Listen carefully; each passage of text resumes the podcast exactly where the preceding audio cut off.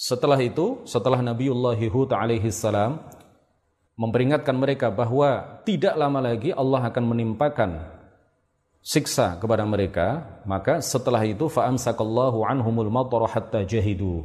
Kemudian Allah uh, tidak lagi menurunkan air hujan kepada mereka sehingga mereka merasa kesulitan.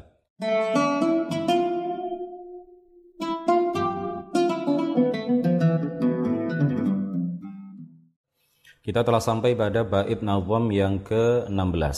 Hum Adamun Idrisun Nuhun Huduma Salih wa Ibrahim kullun muttaba' Qala Al-Musannifu Syekh Ahmad Al-Marzuqi rahimahullah wa nafa'na bihi wa bi'ulumihi wa amaddana bi amdadihi wa afadha alaina min barakatihi. Amin. Hum adamun idrisun nuhun huduma salih Pada pertemuan sebelumnya kita telah menyampaikan beberapa poin penting tentang Nabi Adam alaihi salam, kemudian disusul dengan Nabi Idris alaihi salam, lalu dilanjutkan dengan beberapa kisah dan beberapa hal penting terkait dengan kehidupan Nabiullah Nuh alaihi salam. Pada pertemuan kali ini kita insya Allah akan melanjutkan apa yang sudah kita mulai dari penjelasan bait nazam ke-16 ini kita akan sampaikan beberapa kisah penting untuk menjadi ibrah bagi kita semuanya untuk menjadi pelajaran bagi kita semuanya tentang beberapa sisi kehidupan Nabiullah Hud alaihi salam. Kemudian disusul nanti dengan beberapa sisi kehidupan dari Nabiullah Salih alaihi salam. Dan kalau masih ada waktu kita lanjutkan dengan menceritakan tentang beberapa hal penting tentang Nabiullah Ibrahim alaihi salam. Baik, para pemirsa rahimakumullah, kita mulai dengan Nabiullah Hud alaihi salam. Nabi Hud ini adalah salah satu nabi yang asli dari bangsa Arab. Arabiyun fi aslihi. Dikatakan bahwa nasab beliau, ada beberapa versi mengenai nasab beliau, Salah satu versinya adalah Hud bin Abdullah bin Robah bin Al-Julud bin Ad bin Aus bin Iram bin Sam bin Nuh. Di dalam Sahih Ibn Hibban dari sahabat Abu Dhar dalam hadis yang panjang sekali mengenai uh, penuturan beliau terkait dengan beberapa nabi dan rasul, beliau mengatakan wa arba'atun minal arabi wa arba'atun minal arabi hudun wa salihun wa syu'aibun wa nabiyyuka Muhammadun sallallahu alaihi wasallam. Ada empat nabi yang asli dari bangsa Arab. Yang pertama adalah Hud, Nabiullah Hud alaihi salam, Nabiullah Salih alaihi salam. Yang ketiga adalah Nabi Shu'aib alaihi salam dan yang keempat adalah nabi kita sayyiduna Muhammadur Rasulullah sallallahu alaihi wasallam. Nabi Hud disebutkan di dalam Al-Qur'an sebanyak tujuh kali. Di antaranya adalah di dalam ayat wa ila 'adin akhahum huda qala ya qaumi 'budullaha ma lakum min ilahin ghairuh Wa ila adin akhahum huda dan kepada kaum Ad kami kata Allah telah mengutus Nabi Hud. Qala ya qaumi abudullah.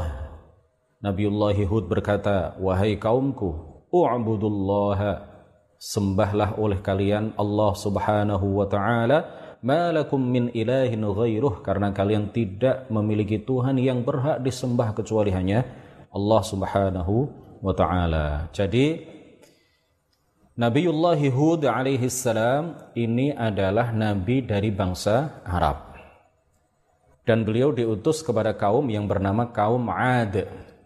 Dan kaum Ad ini adalah qabilah Arabiyah, salah satu suku dari bangsa Arab.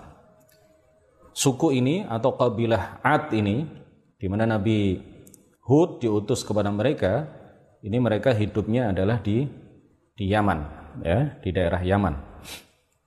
Wa kanat manazziluhum wa masakinuhum wa jama'atuhum ardal ahqaf. Wal ahqafu hiya ar-raml fi ma baina Uman wa Hadramaut min ardil Yaman bi ardin yuqalu laha asy-syahr mereka kaum kaum Ad ya yang hidup di Yaman ini ini tempat tinggal mereka adalah uh, ar-raml ya di di apa di Ahqaf istilahnya begitu di tanah Ahqaf tanah Ahqaf ini adalah tanah yang di situ dipenuhi dengan e, pasir ya, dipenuhi dengan dengan pasir. Letaknya adalah antara Uman dengan Hadramaut. Di suatu tempat yang bernama Syahr ya.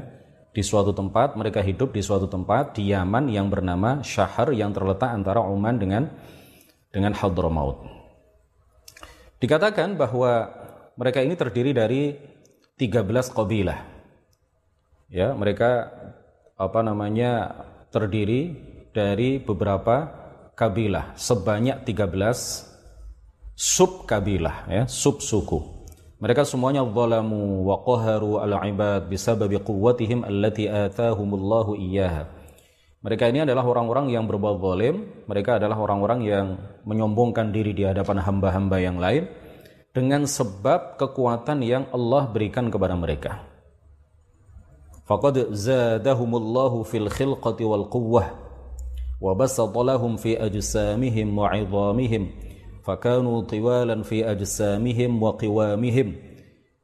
Kaum ini adalah kaum yang perawakannya besar-besar dijadikan oleh Allah memiliki kekuatan yang luar biasa jauh lebih kuat dibandingkan dengan kaum-kaum sebelumnya nah dengan sebab kekuatan yang mereka miliki dengan sebab perawakan mereka yang begitu besar, maka mereka dengan sebab itu kemudian mereka berbuat pongah, berbuat sombong, membanggakan diri di hadapan uh, hamba-hamba yang lain dan mereka adalah orang-orang yang berbuat kerusakan di muka bumi. Dikatakan bahwa kana atwaluhum mi'ata dhira' wa aqsaruhum sittina dhira'an. Orang yang paling tinggi di antara mereka itu mencapai 100 dhira'. Satu ziro itu adalah satu hasta ya. Mulai dari mulai dari uh, siku-siku sampai ujung jari ini satu ziro. Kurang lebih kurang lebih 48 cm. Kali 100 ya hasta. Jadi tinggi mereka yang paling tinggi, orang yang paling tinggi di antara mereka itu seukuran 100 ziro. Ya. Berarti berapa itu? 100 kali 48 meter. Iya, taruhlah kali 50 meter. 100 kali 50. Ya, 5000. Ya, berapa itu? Ya, 5000 sentimeter. 5000 sentimeter. Ya, berarti luar biasa tinggi ya. Kemudian yang paling rendah di antara mereka adalah Wa aksaruhum sittina dhira'an. Yang paling rendah di antara mereka adalah 60 60 hasta. Qala ta'ala wadhkuru ja'alakum khulafa'a min ba'di qaumi nuhin wa zadakum fil khalqi bastah. Diceritakan di dalam Al-Quran bahwa mereka adalah orang-orang yang diberi kekuatan, diberi perawakan yang tinggi besar, melebihi kaum-kaum sebelumnya. Wa kanu ashaba awthanin wa asnamin ya'budunaha min dunillah. Mereka adalah orang-orang yang menyembah berhala. Mereka adalah orang-orang yang membuat berhala-berhala ya yang begitu besar kemudian mereka sembah. Qala Allah Ta'ala Alam tara kaifa fa'ala rabbuka bi'ad irama dhatil 'imad allati lam yukhlaq mithluha fil bilad. Tidakkah engkau memperhatikan Kaifa fa'ala rabbuka bi'ad? Wahai Muhammad, tidakkah engkau memperhatikan? Tidaklah tidakkah engkau mengambil pelajaran? Ya, bagaimana Allah Subhanahu wa taala berbuat kepada Ad ya, kepada kaum Ad, Iram dzatil imad. Di mana mereka berada di atau tinggal di Iram dzatil imad yang memiliki bangunan-bangunan yang tinggi. Allati lam yukhlaq wa mithluha fil bilad yang tidak akan diciptakan semisal mereka di dalam negeri-negeri yang lain. Walamma tajabbara qaum Hudin alaihi salam walam yastajibu li da'watihi bal asaw وكذبوا وجحدوا بآيات الله التي أقامها هود عليه السلام دلالة على صدقه في أنه مرسل من ربه من ربه واتبعوا أمر كل جبار عنيد ketika kaum Nabi Hud ya kaum Ad ini kabilah Ad ini. Mereka tidak mau beriman kepada Nabi Hud alaihi salam. Tetapi mereka mendustakannya. Mereka juga mendustakan ayat-ayat Al-Qur'an yang disampaikan kepada Nabi Hud kepada mereka sebagai bukti kebenaran beliau sebagai nabi. Dan beliau adalah betul-betul utusan Allah Subhanahu wa taala. Wa asarru ala ibadatil asnam. Dan mereka tetap menyembah berhala. Ahallallahu tabaraka wa taala bihim niqmatahu wa adzabahu fid dunya ba'da an Hudun alaihi salamu bil adzabil qarib alladhi yantadhiruhum. Ya, ketika mereka sudah tidak diharapkan lagi beriman, ketika mereka terus mendustakan Nabiullah Hud alaihi salam padahal Nabi Hud sudah menyampaikan kebenaran kepada mereka beberapa mukjizat kepada mereka tetapi mereka masih tetap menyembah kepada berhala dan tidak mau beriman kepada Allah Subhanahu wa taala maka kemudian Allah menimpakan siksa kepada mereka setelah sebelumnya Nabi Hud memperingatkan mereka bahwa mereka akan dalam waktu dekat akan mendapatkan siksa dari Allah Subhanahu wa taala. Fa amsakallahu anhumul matara hatta jahidu. Ya. Setelah itu, setelah Nabiullah Hud alaihi salam memperingatkan mereka bahwa tidak lama lagi Allah akan menimpakan siksa kepada mereka, maka setelah itu fa amsakallahu anhumul matara hatta jahidu. Kemudian Allah uh, tidak lagi menurunkan air hujan kepada mereka sehingga mereka merasa kesulitan. Wa kana kullama nazzala bihimul jahdu dzakkarahum hudun bi da'watillahi wa annahu la yunjihim min al-bala'i wal 'adzabi illa al-iman wal istima'u li nasaihihi bil. Setiap kali Allah menimpakan siksa kepada mereka, maka kemudian Nabiullah Hud salam mengingatkan mereka dan memperingatkan mereka bahwa tidak ada yang menyelamatkan mereka dari balak dan azab yang Allah timpakan kepada mereka kecuali apabila mereka beriman dan mau menerima nasihat dan dakwah yang disampaikan oleh Nabi Hud alaihi salam kepada mereka. 'Utuwwan wa 'inada fazdada al-'adzabu 'alaihim wa saru fi qahtin wa jafafin shadidaini tetapi hal itu tidak menambahkan kepada mereka kecuali pengingkaran mereka terhadap dakwah yang disampaikan oleh Nabi Hud alaihi salam kepada mereka sehingga Allah terus menimpakan azab kepada mereka dan kemudian Allah jadikan mereka dalam paceklik yang luar biasa ya masa kekeringan yang luar biasa. Qahut wa jafaf ya. Paceklik tidak turun hujan dalam waktu yang lama. Kemudian kekeringan terjadi di mana-mana. Fatalabu as-suqya wal matara. Kemudian mereka meminta ya memohon supaya diturunkan air hujan kepada mereka. Wa aufadu wafdahum ila makkah yastasquna lahum. Kemudian mereka mengutus beberapa orang untuk pergi ke Mekah. Ya, mereka e, sepakat untuk menunjuk beberapa orang delegasi wafat ya. Kemudian delegasi ini diperintahkan atau diminta oleh kabilah kabilah Ad ini untuk pergi menuju ke Mekah berdoa di sana supaya diturunkan air hujan kepada mereka. Fa ansha'allahu sahaban aswad wasaqahu ila 'ad fa kharajat min wadin فلما رأوها استبشروا أنه سحاب مطر وسقيا رحمة فإذا هو سحاب عذاب ونقمة Setelah kepergian delegasi menuju Mekah untuk memohon dan berdoa agar diturunkan air hujan, datanglah kemudian uh, awan hitam ya. Sehingga kemudian mereka keluar, kaum Ad ini kemudian keluar dari lembah-lembah tempat mereka uh, apa? tempat tinggal mereka. mereka menyambut kedatangan awan hitam itu, mereka mengira bahwa itu adalah awan yang akan membawa air hujan yang uh, apa? bermanfaat untuk mereka.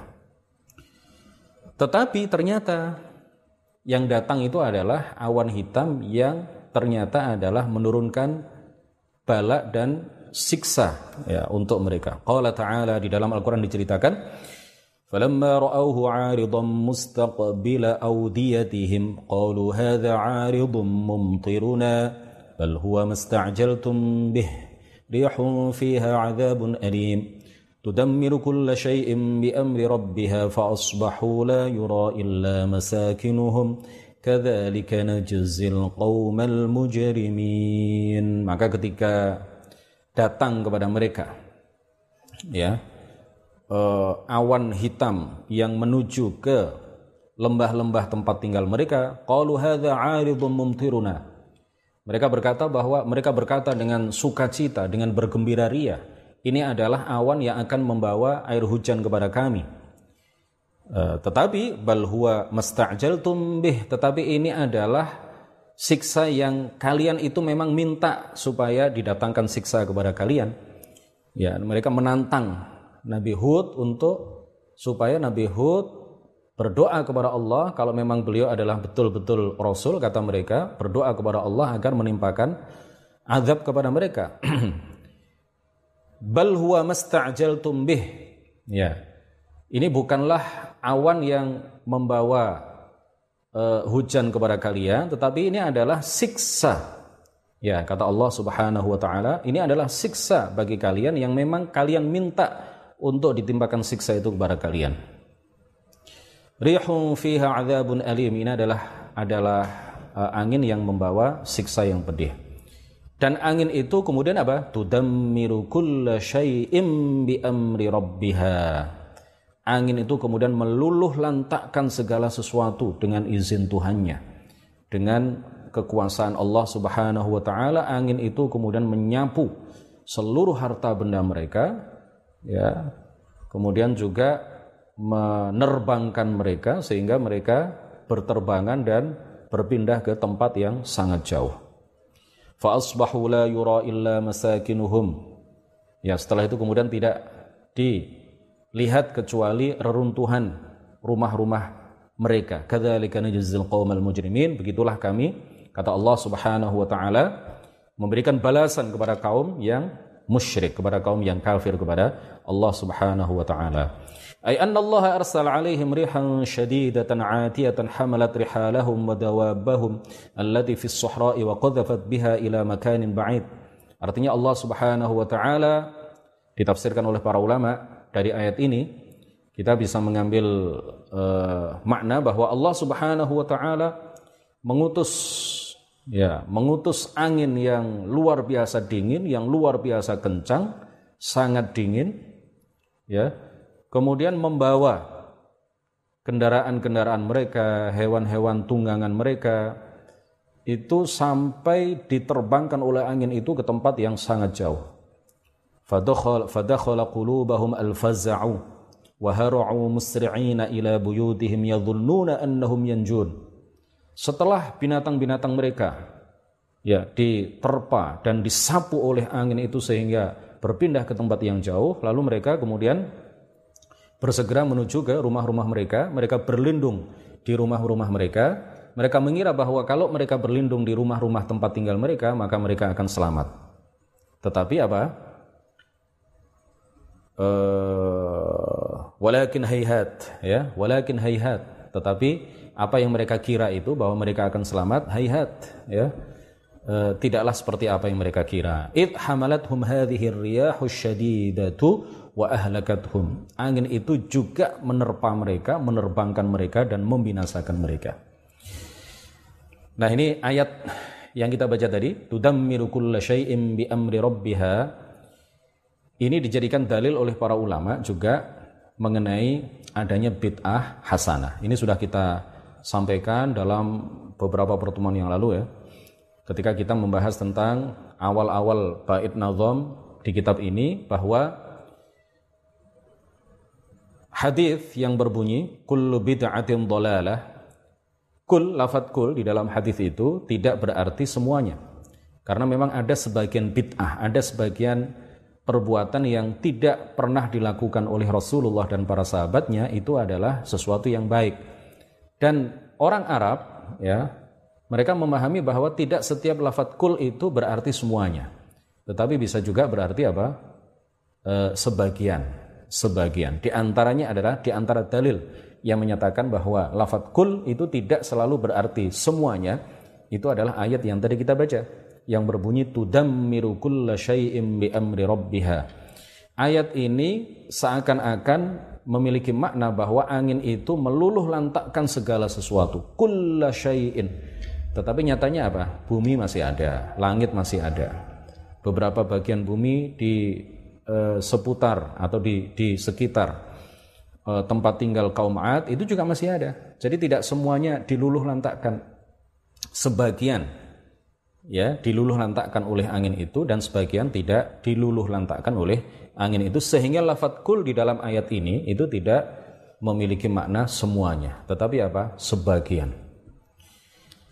Nah kemudian wa kana al-arabu ba'da dhalika id ya idza ba'athu wafdan lahum qalu la takun kawafidi setelah kejadian itu orang-orang Arab orang-orang Arab itu selalu mengatakan kalau kalau mereka mengutus delegasi untuk suatu keperluan menuju ke tempat tertentu ya supaya delegasi ini sukses maka orang-orang Arab setelah kejadian itu setelah kejadian cerita mengenai eh, mengenai kaum Ad tadi mereka mengatakan kepada setiap delegasi yang mereka utus la takun kawafidiat kamu jangan menjadi seperti delegasi seperti utusan kaum kaum Ad. Nah tadi diceritakan bahwa kaum Ad ini mengutus delegasi mengutus utusan sekelompok orang menuju Mekah supaya mereka berdoa di Mekah agar diturunkan air hujan.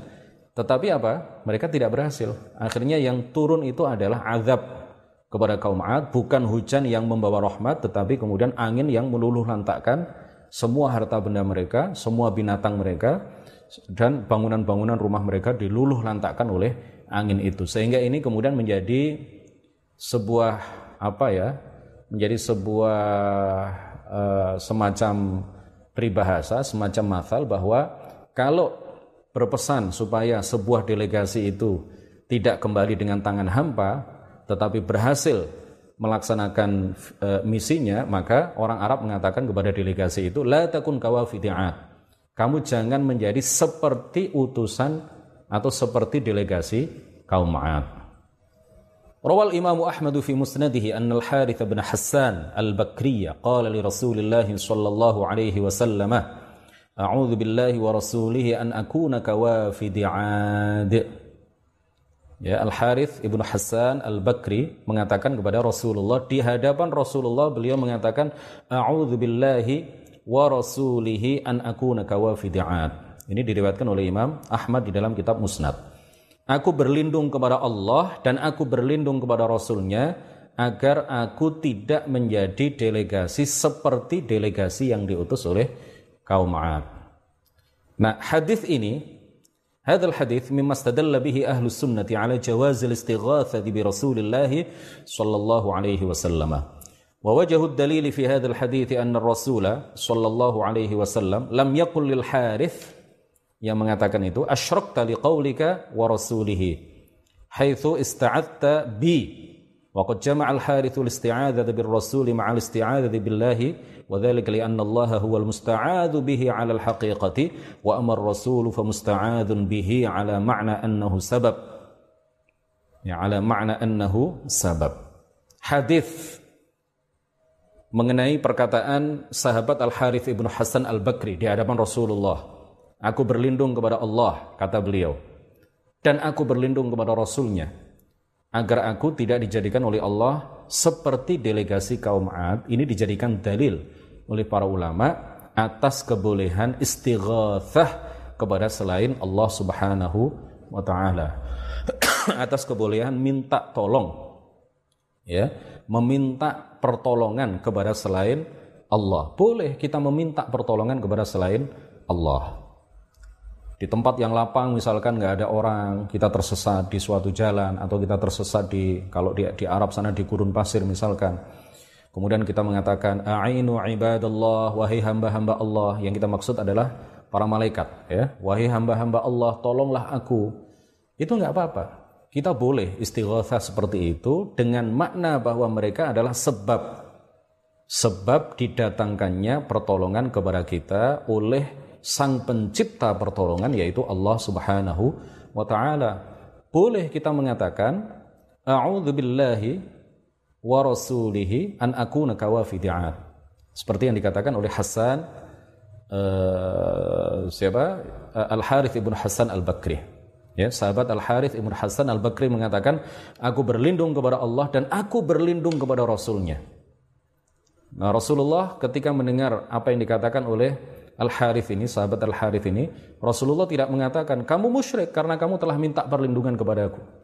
Rasulullah tidak mengatakan seperti itu. Bahkan Rasulullah tidak eh, apa tidak menegurnya sama sekali. Nah, itu artinya perkataan itu boleh.